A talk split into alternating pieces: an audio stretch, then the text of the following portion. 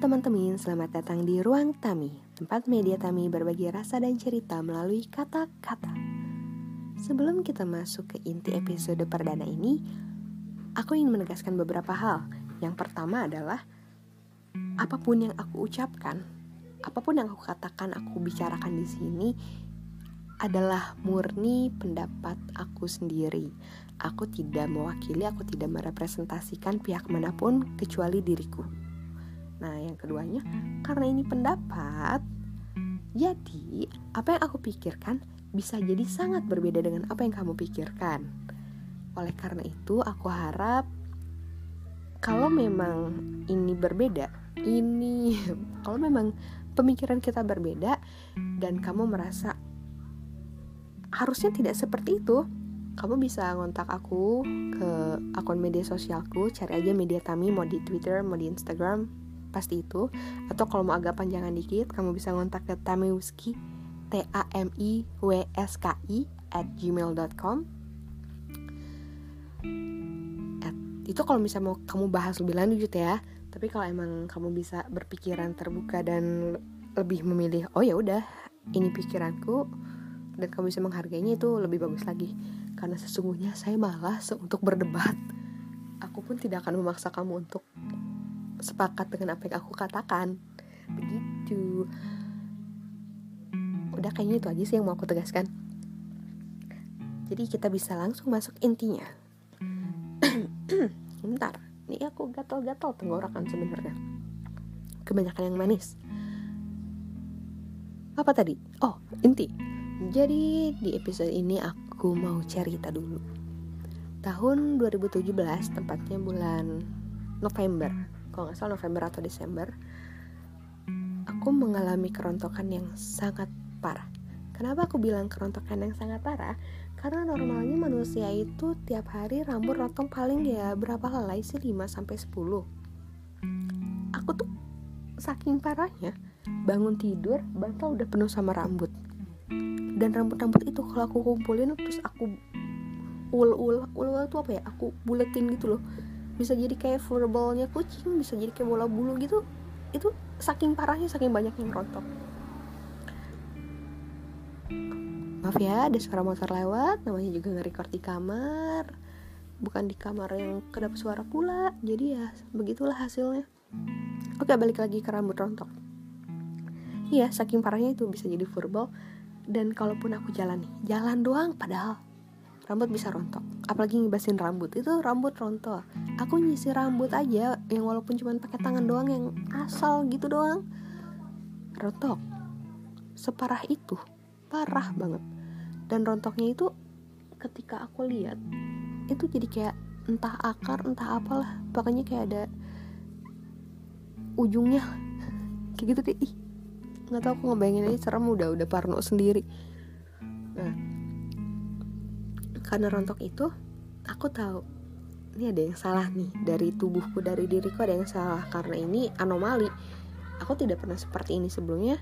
Lalu terjadi apa yang harus aku lakukan untuk menyembuhkan? Aku tahu saat itu aku sakit.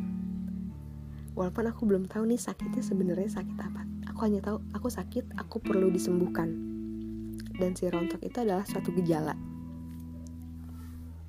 Lalu kamu tahu apa yang aku lakukan? Aku ke dokter. Aku ke dokter, aku ke salah satu waktu itu dokternya masih ini masih dermatologis, salah satu dermatologis terkenal di Jakarta. Di situ konsultasi macam-macam sampai akhirnya long story short ya normal lagi sekarang rambut nggak rontok parah lagi udah rambutku udah panjang lagi sekarang huh. padahal tahun 2018 awal Januari itu aku sempat ngebotakin rambut saking parahnya itu rontok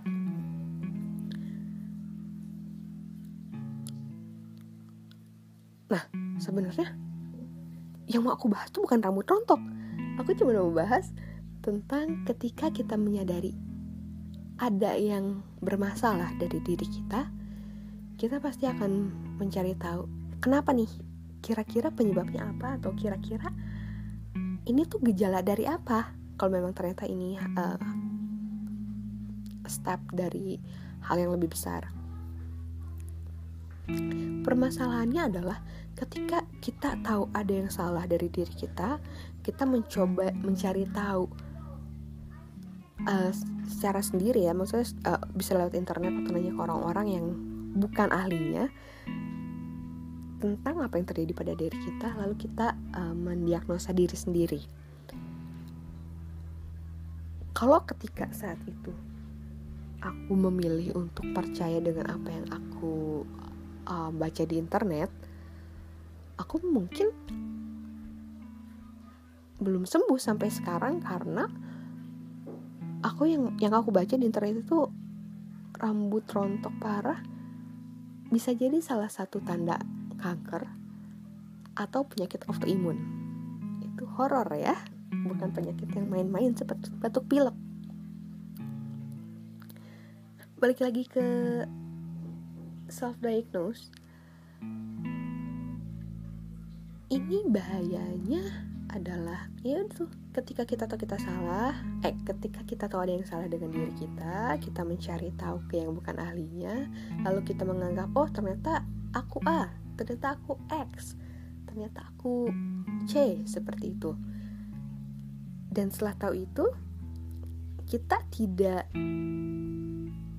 ke ahlinya kita tidak ke profesional kita tidak mencari bantuan dari pihak-pihak yang memang lebih paham mengenai bidang ini. Kita hanya mengklaim diri kita, eh gue tuh C loh, gue tuh sakit Z loh, kayak gitu. Padahal ya belum tentu kenyataannya kayak gitu. Itu bisa jadi hanya gejalanya aja sama, simptomnya sama, meski ak uh, hasil akhirnya berbeda.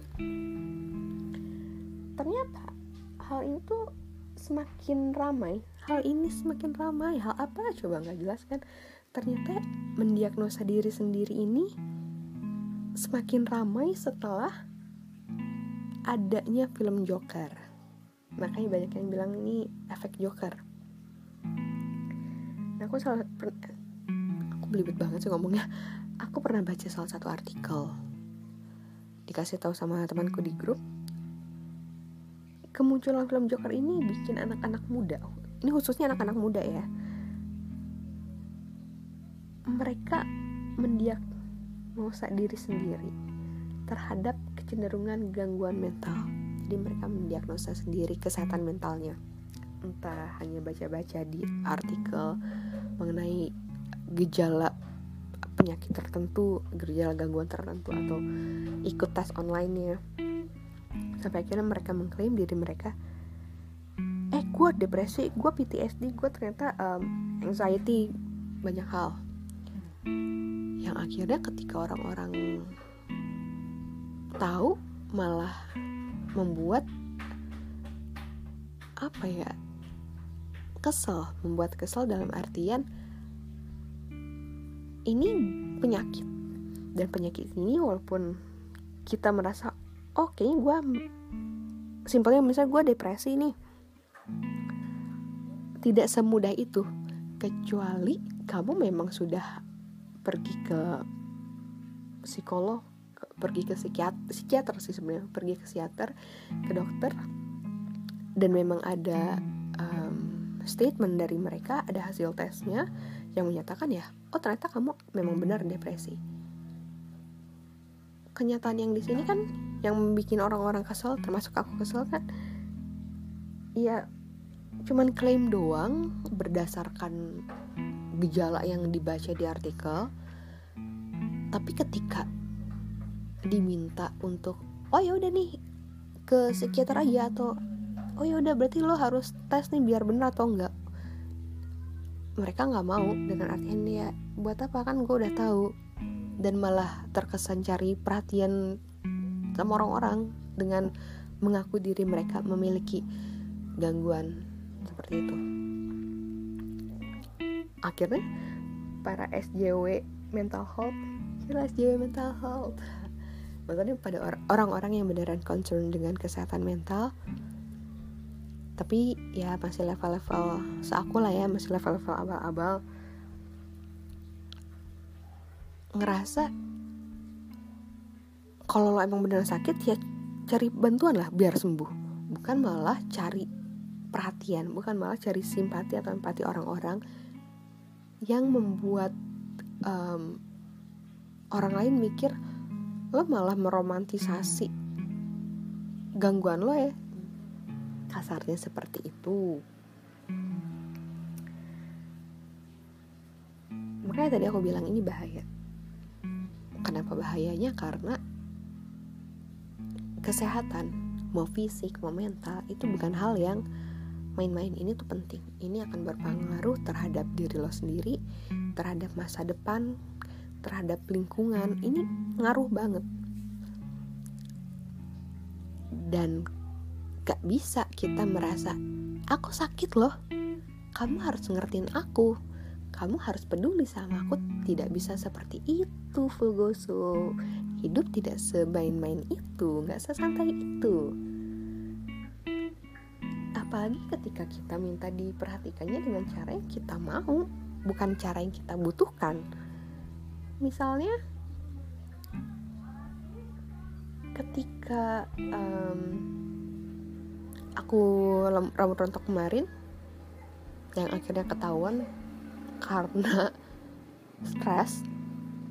Ya emang saat itu aku stres banget.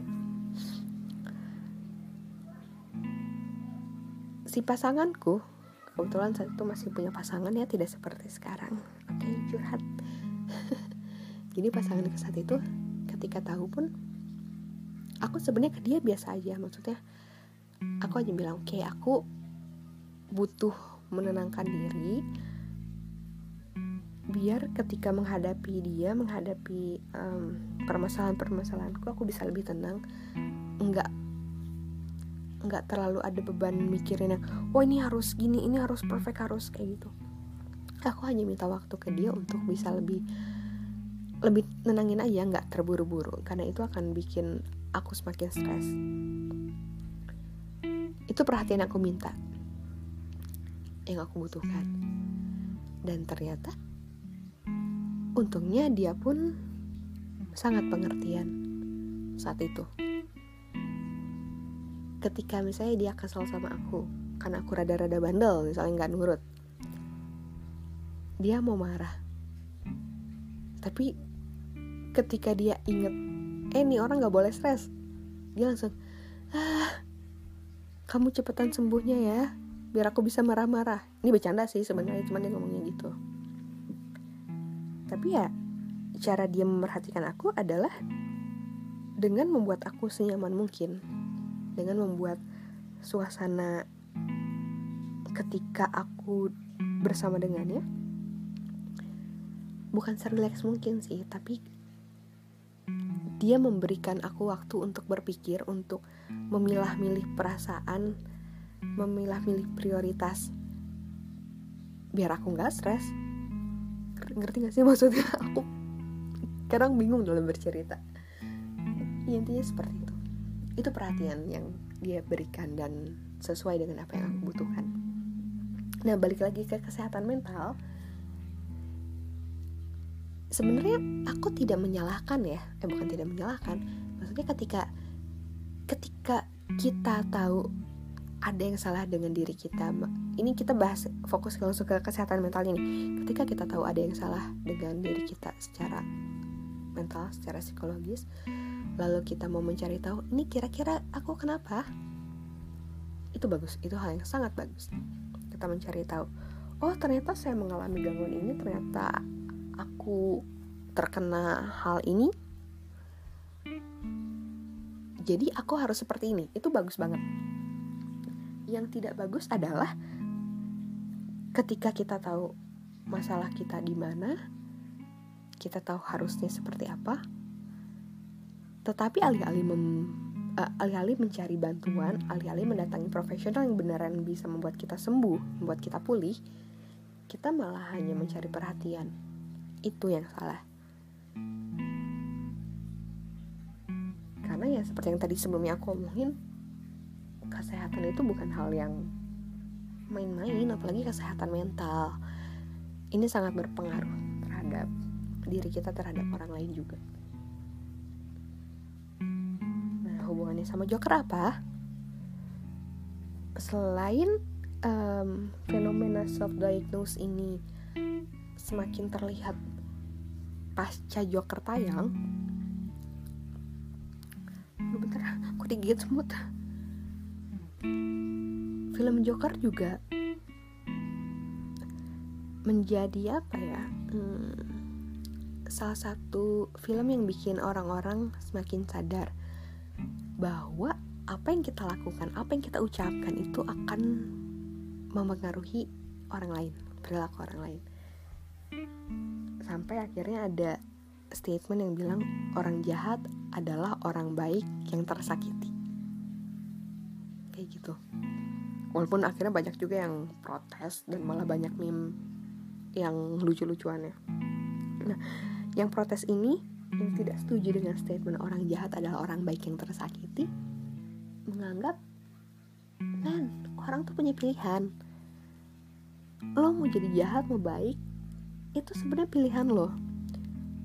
Tau banyak kok kasus orang yang disakiti uh, dibully di di apa lagi ya uh, um, diperlakukan secara tidak mengenakan tapi dia tetap jadi orang baik dia tidak membalas dia tidak membunuh seperti Joker ada yang bilang seperti itu.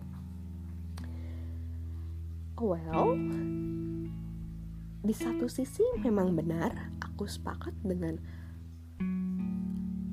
orang baik yang disakiti itu bisa tetap jadi baik kok. Nggak harus jadi jahat nggak harus membunuh tidak harus melakukan kekerasan seperti Joker tapi di sisi lain aku juga setuju dengan statement orang jahat adalah orang yang orang sakit eh orang baik yang disakiti. Kenapa karena yang namanya manusia pasti punya bukan punya limit sih punya apa ya hmm, ya mungkin limit batasan. Tapi kan cara manusia menghadapi atau menghandle apa yang terjadi uh, pada dirinya beda-beda. Ada yang mungkin ketika disakiti masih bisa oh ya udahlah aku tidak peduli dengan apa yang orang lakukan padaku yang aku pedulikan adalah bagaimana aku menghadapi orang lain. Ada yang berpikir seperti itu. Tapi kan ada juga yang akhirnya saking neknya saking seringnya disakiti. Mau fisik ya mau secara emosional mau mau verbal. Dan dia merasa tidak ada orang lain di sekelilingnya yang mampu mendukung dia. Nggak ada yang bisa jadi tempat dia uh, nge-recharge energi positifnya. Kayak gitu. Kalau misalnya kamu udah pernah nonton Joker pasti cukup paham maksudku ya. Oke balik lagi nih ke si orang jahat adalah orang baik yang tersakiti. Joker ini kan Joker ini salah. Arthur Fleck jadi sebelum jadi Joker nih si Arthur Fleck pada dasarnya dia orang baik laki-laki yang baik anak yang baik. Hingga akhirnya ini menurut versiku ya hingga akhirnya dia merasa buat apa? Dunia ternyata tidak baik sama dia. Orang yang dipercayanya ternyata malah mengkhianati dia. Sampai akhirnya dia bilang I got nothing to lose. Yang kasarnya sih dia mau mati sekarang mau mati besok ya udah nggak ngaruh karena udah nggak ada apa-apa lagi dia tidak memiliki apa-apa dalam hidupnya. Nah karena pemikiran kayak gitu wait ini kenapa jadi banyak semut di kamarku? Udah biarin aja lah gila aku ngalor ngidol banget nggak penting. Tadi sampai mana? Oh ya si Arthur Fleck iya kalau misalnya kayak gitu. Iya capek lah ketika kita udah berusaha baik sama dunia. Kita sudah berusaha jadi orang yang baik tapi ternyata pihak luar masih menyakiti kita. Kita merasa tersakiti ya. Ternyata pihak luar masih masih mukulin masih um, ngata-ngatain kita masih nganggap kita tuh apa sih? Kita kayak sangat merendahkan diri kita.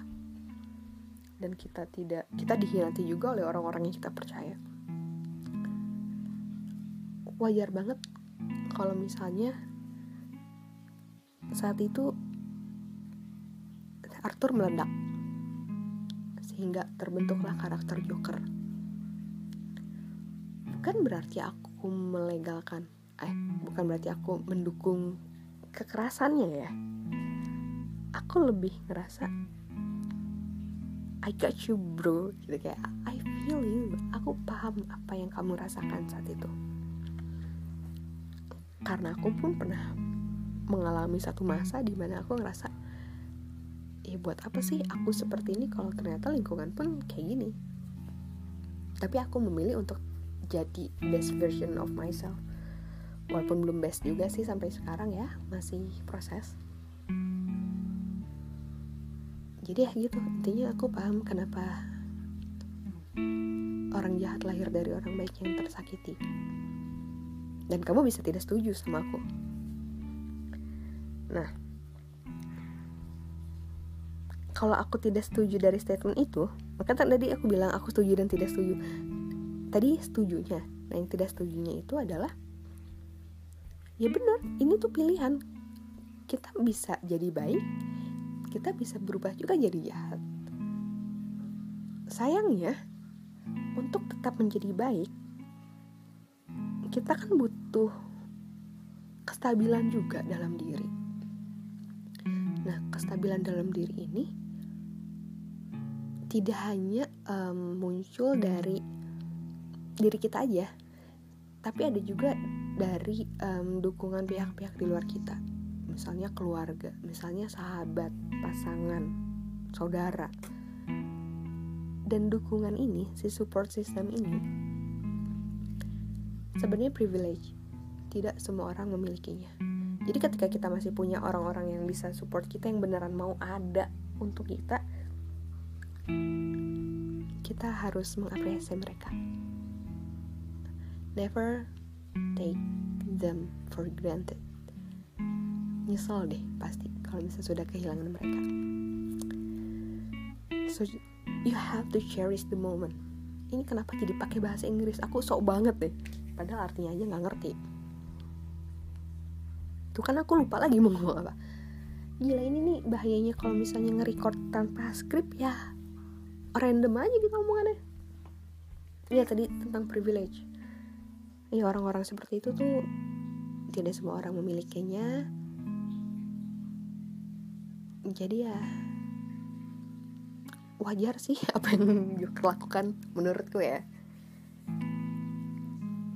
Tapi ketika kita memang masih memiliki orang-orang di sekitar kita yang mau support kita mau mendukung kita untuk jadi lebih baik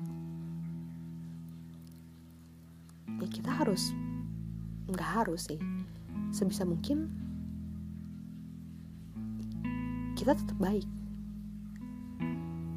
Karena menurutku ketika kita melakukan A yang misalnya um, melakukan kegiatan yang kurang terpuji. Gila kurang terpuji. Melakukan sesuatu yang menyakiti diri kita sendiri itu ke orang lain bisa lebih menyakitkan sih orang lain bisa lebih patah hati dari apa yang kita alami. Itu apa sih Mi kan mulai kayak random gitu. Ya gitulah pokoknya konklusi dari si orang jahat orang baik yang tersakiti gitu. Setujunya karena memang manusia punya titik jenuh. Punya titik di mana? Kayak checkpoint deh. Manusia punya checkpoint di mana ini nih ada tesnya. Kamu akan memilih untuk tetap jahat dengan konsekuensi dan risiko seperti A atau kamu mau milih tetap baik dengan risiko dan konsekuensi B-nya. Seperti itu. Dan kita tidak bisa menyalahkan orang itu sepenuhnya sebenarnya karena ya ketahanan orang-orang berbeda-beda, pengalaman mereka berbeda, kemampuan mereka menghadapi sesuatu juga berbeda. Tidak bisa kita sama rasa, tidak bisa kita sama ratakan. Nggak bijak aja menurutku ketika misalnya aku bisa melewati A. Ya terus aku bilang ke orang lain yang mengalami A, iyalah masa lo kayak gitu aja nggak bisa sih masa kayak gitu aja lemah masa kayak gitu aja mundur aku nggak bisa kayak gitu karena kemampuanku pengalamanku dan orang itu berbeda. Dan kebutuhan kami pun berbeda. Dan itu yang bikin setiap orang walaupun mengalami hal yang sama outputnya bisa beda. Kayak begitu. Ya begitulah kira-kira. Terus apa lagi?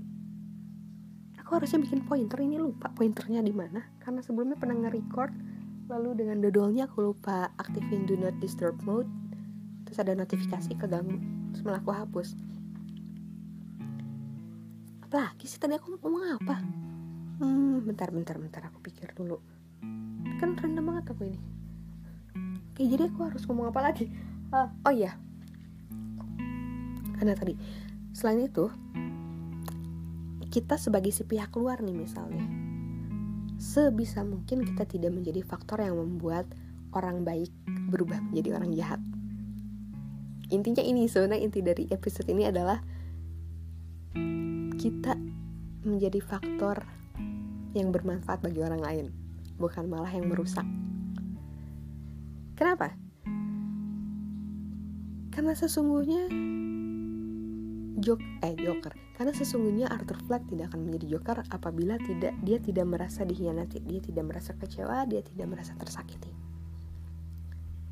Bener gak sih? Tapi dia disakiti. Ya lihat aja sekarang perlakuan orang-orang ke dia gimana apa yang mereka katakan kepada Arthur sikap mereka dia dipukulin even sama anak-anak kecil dia dipukulin ditendang itu men bullying men. Itu bukan bullying malah itu kekerasan loh. Dan kita cuek-cuek kadang kita ngerasa ya gitu doang bercanda kok. Ngomongin misalnya oh lo gendut tam lo kurus. Nggak ada yang sih yang bilang aku kurus. Bilangnya aku gendut aku sedih. Atau bilangnya uh, misalnya gini aku ada beberapa kenal beberapa pasangan yang sudah nikah beberapa tahun lalu belum dikasih keturunan. Oh kenapa? Kok belum punya anak? Uh, nggak program ya? Nggak usaha ya? Mungkin sibuk kerja. Kenapa sih? Kok nggak gini? Kok nggak gitu? Bla bla bla. Atau yang jujur yang udah punya anak. Kok sesar sih? Kenapa gak normal? Um, kecapean ya? Keseringan kerja ya? Makanya gini-gini. Tuh udah yang melahirkan juga bisa diomongin nggak asik sih kenapa? Kok aslinya dikit? Bla bla bla bla. Itu mungkin terkesan peduli kalimatnya. Tapi ya banyak cara untuk memedulikan orang. Kita masih bisa peduli dengan bentuk lain yang tidak menyakiti mereka yang mendengarkannya. Itu terus apa lagi oh kasus yang terbaru yang sulinya FX suli XFX X. Lucu juga sih. XFX jadi salah satu mantan. Kok salah satu mantan? Suli mantan member FX girl group K-pop. Itu ditemukan sudah tidak bernyawa hari Senin lalu. Kalau nggak salah gantung diri. Saya bukan hal yang baru um, di kalangan K-pop idol.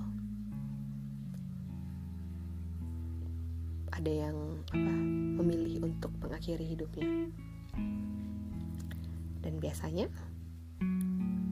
gak jauh karena jempolnya K-Nuts K-Nuts itu artinya Korean netizen netizennya orang Korea sana yang dunia kayaknya udah tahu itu betapa sadisnya mereka aku pun tak habis pikir lah. Jadi yang aku baca sebelum Suli memilih untuk mengakhiri episode hidupnya di dunia dia sempat live di Instagram kalau nggak salah. Maaf ya minum dulu. Suaraku hilang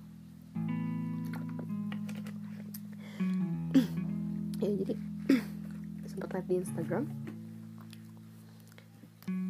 Sempat nangis juga. Dan dia kasih statement um, kurang lebih statementnya adalah mempertanyakan kenapa kalian seperti ini padaku? Apa salahku pada kalian?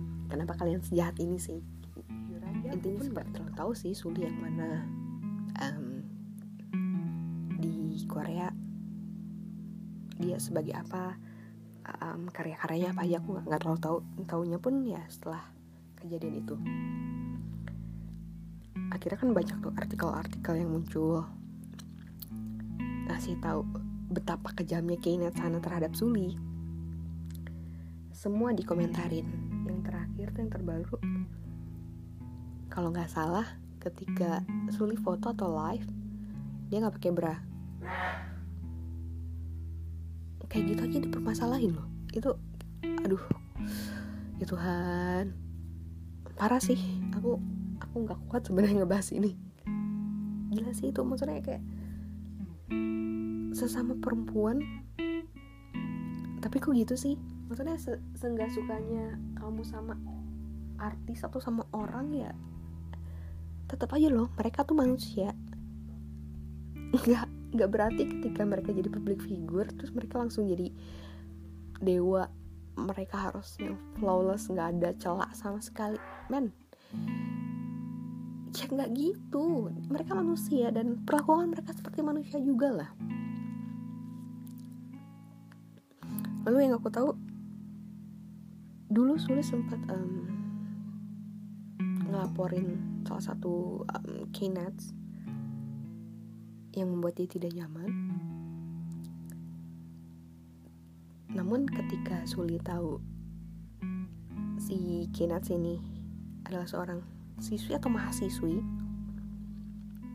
dia langsung drop the charge kayak ya udahlah nggak usah dilanjut lagi nggak usah diproses hukumnya ini eh si perempuan ini nggak usah dilanjutin proses hukumnya karena dia masih memiliki rasa sesama manusia.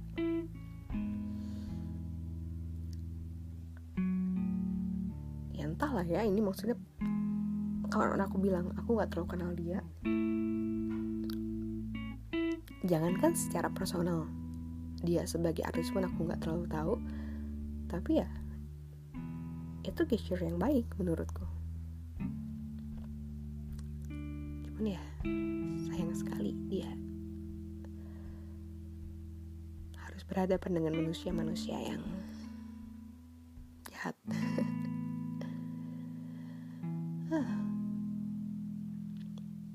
Kok aku jadi melo ngebayangin itu? Ya aku rada-rada sensitif sih kalau membahas tentang kesehatan mental. Karena itu satu penyakit yang bukan penyakit. Karena itu satu kondisi yang kadang kita cuekin kita nggak terlalu kita pedulikan sehingga kita seringnya nggak sadar kalau ternyata kita tuh udah kronis kita udah parah banget sakitnya. Sampai momen di mana kita merasa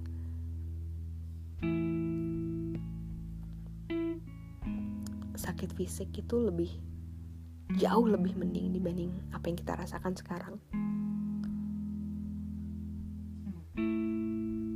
Dan kita memilih untuk menyelesaikan episode hidup kita di dunia. Saking ngerasa nggak bisa, saking ngerasa nggak bisa gimana ya? Itu saking kita ngerasa nggak ada yang paham dengan apa yang kita rasakan.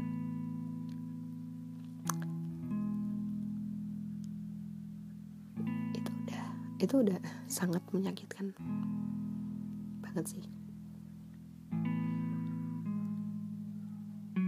Seperti kita udah terlalu capek capek banget dengan hidup hingga membuat kita berpikir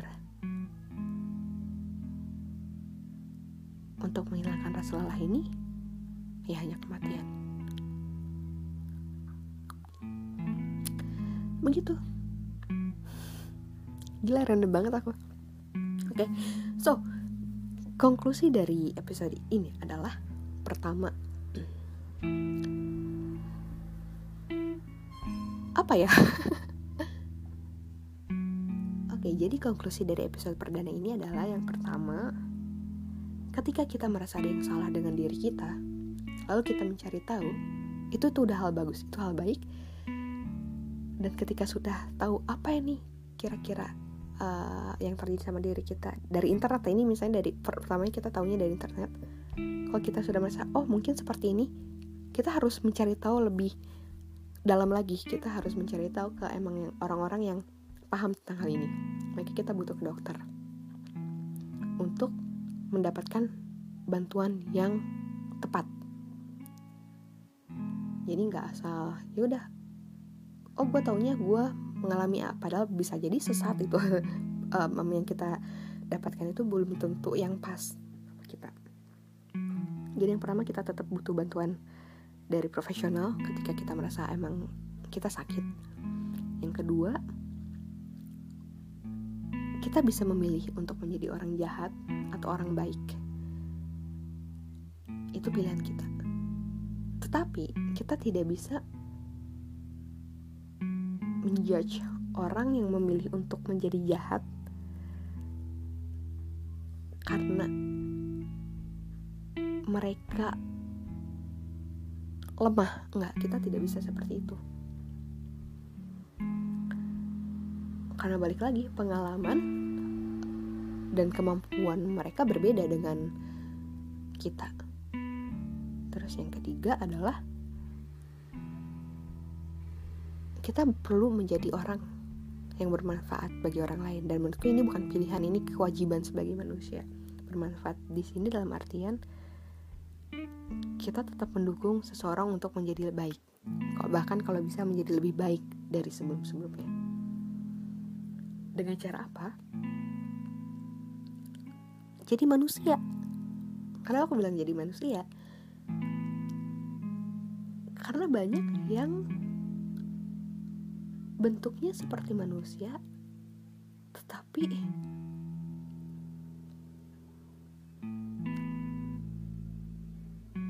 kelakuannya tuh aduh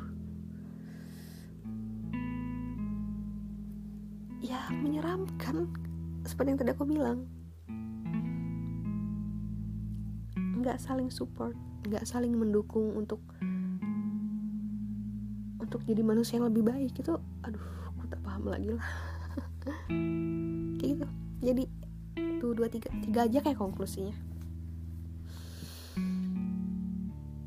Eh sepertinya itu aja di episode perdana ini. Kenapa episode perdananya malah bahas yang melo-melo kayak gini sih? Aku tidak pengerti aku tak paham jadi ya seperti yang tadi di awal aku bilang kalau misalnya memang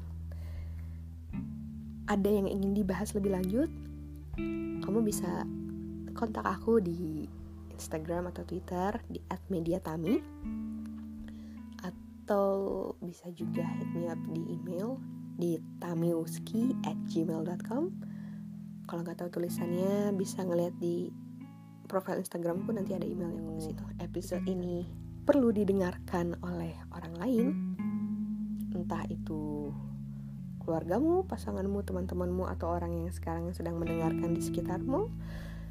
Kamu bisa bagikan ke mereka agar mereka mau mampir-mampir sini ke ruang Tami. Juga tolong di nggak bisa di like sih, bisa like nggak sih? Jangan lupa di favorite, di favoritkan biar akunya juga jadi semangat bikin episode-episode berikutnya apalagi? Oh ya kalau misalnya mau request topik tertentu atau tema tertentu juga boleh. Udah itu aja sih kayaknya. Bye bye terima kasih sudah mendengarkan